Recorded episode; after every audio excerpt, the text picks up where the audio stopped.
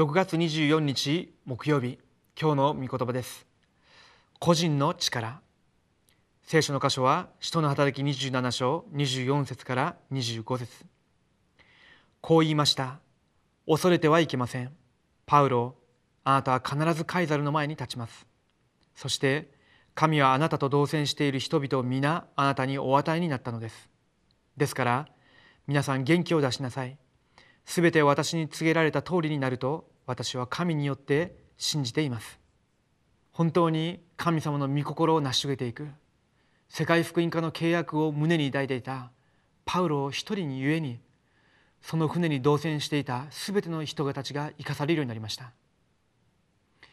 今日本の現場で本当に神様の身胸を抱いて伝道のために祈る人が何人ほどいるでしょうか。本当に私たちが日本の現場で伝道運動を置いて少しだけでも祈るんであれば神様がその少数の人たちを中心に日本の福音化の働きを始められるはずです。私に力があるかないかそれは関係がありません。私にどういう背景があるかそれも関係がありません。神様は神様の御心を胸に抱いて本当に動機なしに伝道運動のために祈る者に答えを与えられるようになります。19世紀合理主義自由主義神学がアメリカを全土を覆っていた時に神様がムーディーを建てられました。ムーディーは小学校しか卒業していないそのような無学な人でした。ですけれども伝道運動だけを考えて祈るムーディーを神様用いられました。その当時アメリカとヨーロッパ全地域を揺るがすぐらいに精霊の宮座がなされるようになりました。日本の現場で私が神様の身胸を抱いて祈り始めるんであればそれよりもさらに大きい精霊の力が現れるでしょう。今日個人の力を回復する時間になるように共に祈りながら今日の御言葉を握りたいと思います。では序文を一緒に読みたいと思います。私たちは初代教会が味わっていたただキリストと神の国の奥義を必ず見つけ出さなければなりません。そして初代教会が味わったその力を見つけ出さなければなりません。それで初代教会に起こったその働きが私たち自身と教会にそのまま成就されなければなりません。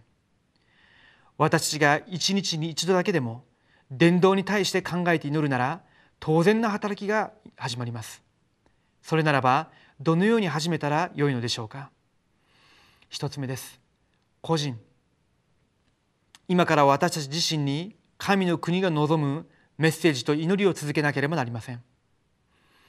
私たちもモーセのように女の子孫が蛇の頭を踏み砕くということと犠牲に生贄という契約を握らなければなりません。またイエスがキリストという契約を握って神の国が望むように祈らなければなりません。ヨセフとダビデは神様が共におられるという契約を握りました。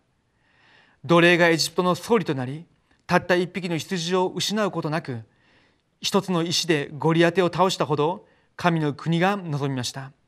私たちがどこに行ってもその場所に神の国が望むように契約を握って待たなければなりません。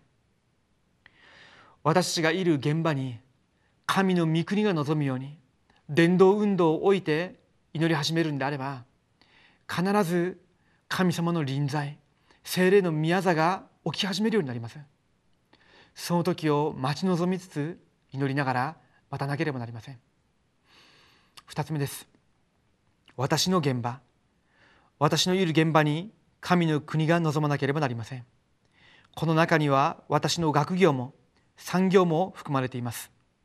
この祝福の中にいたイサクは1年の農作業で100倍の収穫を得て泉の源も得ました。初代教会の害を長老を通して神の国が望みました。普段に神の国の奥義を味わうならば全てのことがうまくいく答えを受けるようになります。この部分でとても重要なことが私自身が一人でする帝国の祈りです。私自身が一人で死に三度本当に神の国が望むように伝道運動のために自分の現場を置いて自分の人生を置いて祈り始めることができるんであれば間違いなく神の国の望みになります。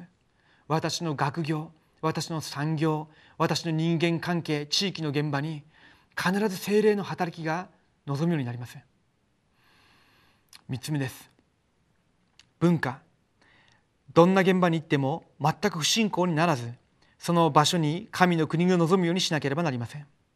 出エジプトする時に起こった奇跡はエジプトの文化を完全に打ち砕きました。